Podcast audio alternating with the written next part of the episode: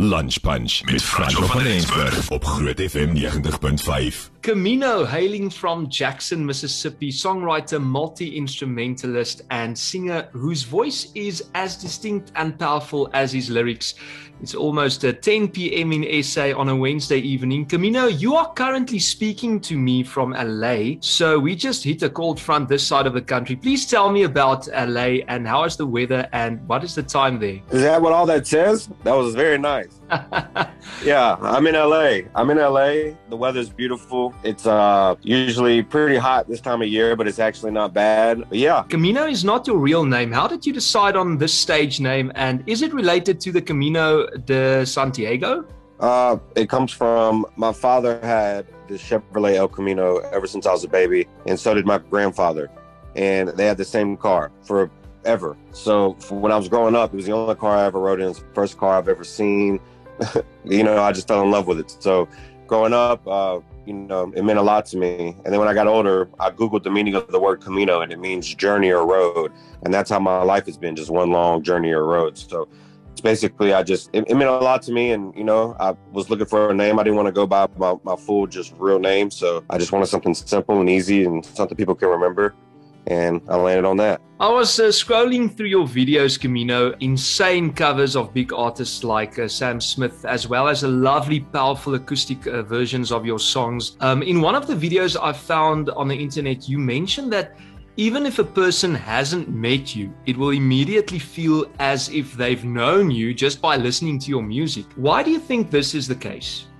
Well, I'm very vulnerable my music, and all my music comes comes from a very real place. So it's very, uh, you know, just natural who I am to the core. I mean, if you listen to my records, you know, they're they're they're songs that you know they come from real life events and you know situations that make me sad or happy or angry and you know. Uh, so, like I said, I'm very vulnerable in the music. If you listen to the records, you you're really hearing the true stories of me and, and, and, what happened to me and who I am as a person and how it affected me and how I felt about that situation. And to me, I just feel like you're getting the purest form of me usually from my music.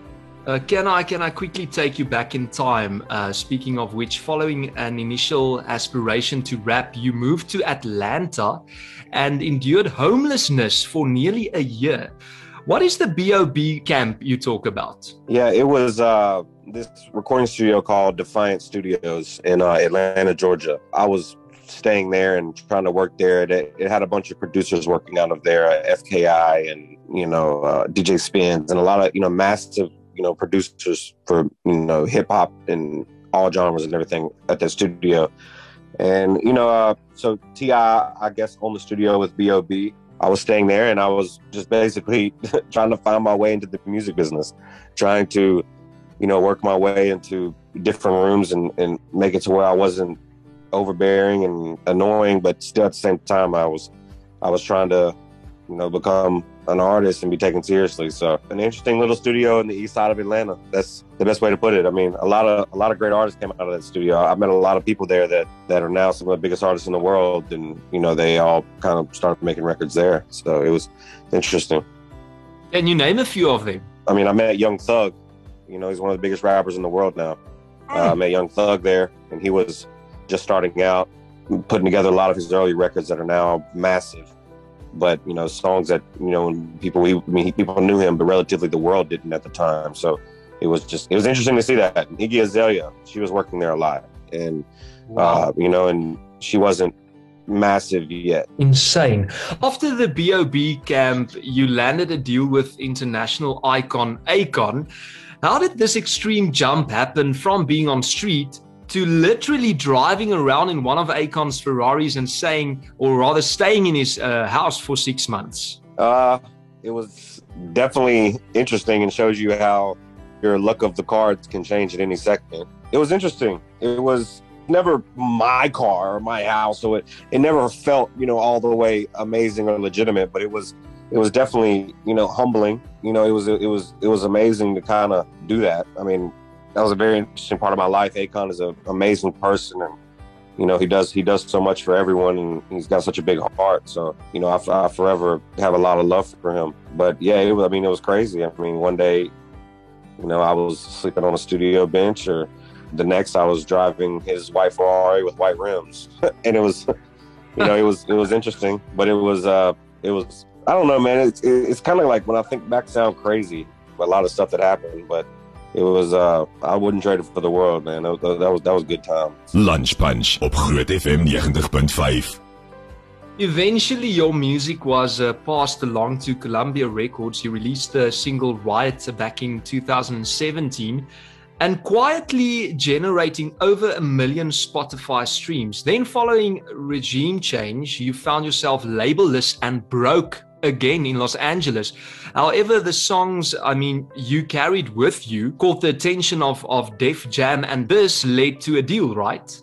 Correct, yes it was a very interesting time in my life. But uh, you know, I was able to keep my songs and go to a, a, different situation, and and here we are now. Now you introduce a very unique and a soulful sound on this year's EP, ignited by a powerful lead single, "Burning Fire." Tell me more about uh, Aunt Peggy and Uncle Wallace, and what is the song all about?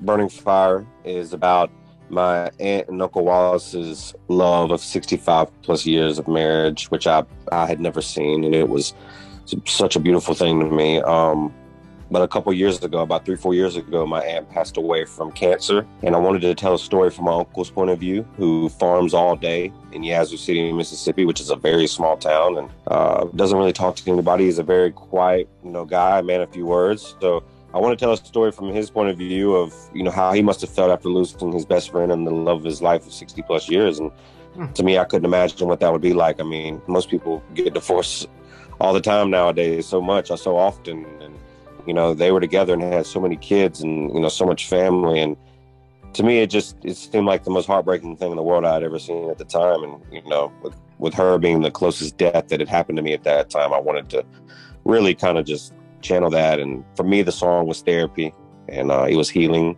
And like I say in the hook, if I could see you alive and have you in my arms, I would kiss you with the power of the sun, mm. like burning fire. Because to me, that's the epitome of everlasting love. So, you know, um, when I say that, when I sing that, I, I still feel it and, and, I love it, you know, to my core. But, yeah, you know, the, the good thing about it is uh, my uncle, who I actually, you know, like I said, I wrote from his point of view of how he must have felt. I actually played it for him um, about four weeks ago. He passed away from oh. cancer, but um, it wasn't as sudden as my aunt's. It was. I mean, we knew his was coming, so it was like we had time to deal with it. Um, but you know, hers was very quick and abrupt. But um, his, we knew was coming, so I got to play him the record before he passed and uh, play him "Burning Fire." He gave me his blessing and he loved it and said I nailed it. And that's exactly how he felt and it gave me the confidence to share it with the world. So I just, you know, I, I, couldn't be happier with the song. You know, the song was originally called Therapy because that's what it was for me. It was healing. It really just kind of helped me get through the, you know, the, the death of my aunt. Mm-hmm. And, uh, you know, hopefully it can do the same for others. I mean, people would tell me all the time what it does for them, and I'm just I'm so thankful that you know I was able to finish the record and get it out to the world because I feel like it's something people need. Wow, what an emotional story, and thank you so much for sharing. Tell me about this uh, almost mini movie and narrative behind the Burning Fire music video. Yeah, so like I said, I wanted the the video to be really reminiscent of how I saw their love. If you've ever seen the movie The Notebook, yeah, uh, yeah. it's kind of yeah, it's like not in a cheesy way. I just mm. I know that the Notebook was, you know, it made me feel very emotional and made me cry.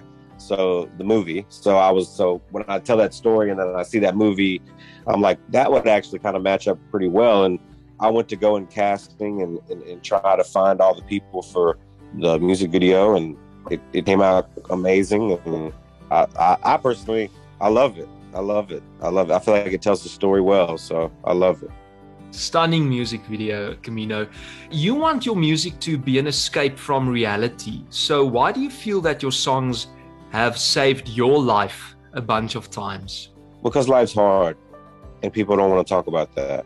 They're talking about it more and more nowadays, but life's hard, doesn't get easier. Um, music is an escape. It's uh, it's my creative form. It's the way that I express myself. It's the way I'm vulnerable. It's the way I get emotions out. Burning Fire was a healing song for myself. Like I said, it was a way for me to really just get it all out and try to better myself basically and you know figure out how to how to move on in a sense music is for every emotion you can be angry you can be happy you can be sad and then music there's a type of music for all of that music doesn't require anything of you you just listen to it totally exactly so to me yeah. Through your story and music, Camino, one finds that there's always hope, something we also constantly crave in an uncertain world, especially also in South Africa at the moment. We actually find the title of your single, Burning Fire, very ironic at the moment, but blissfully so. Uh, thank you for giving us an extra push of courage and for being so authentic as well.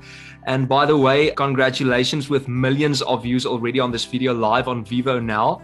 And I was wondering if there's a possibility that you can wrap us out of this lunch Punch interview into your brand new single airing for the first time today on Groot FM.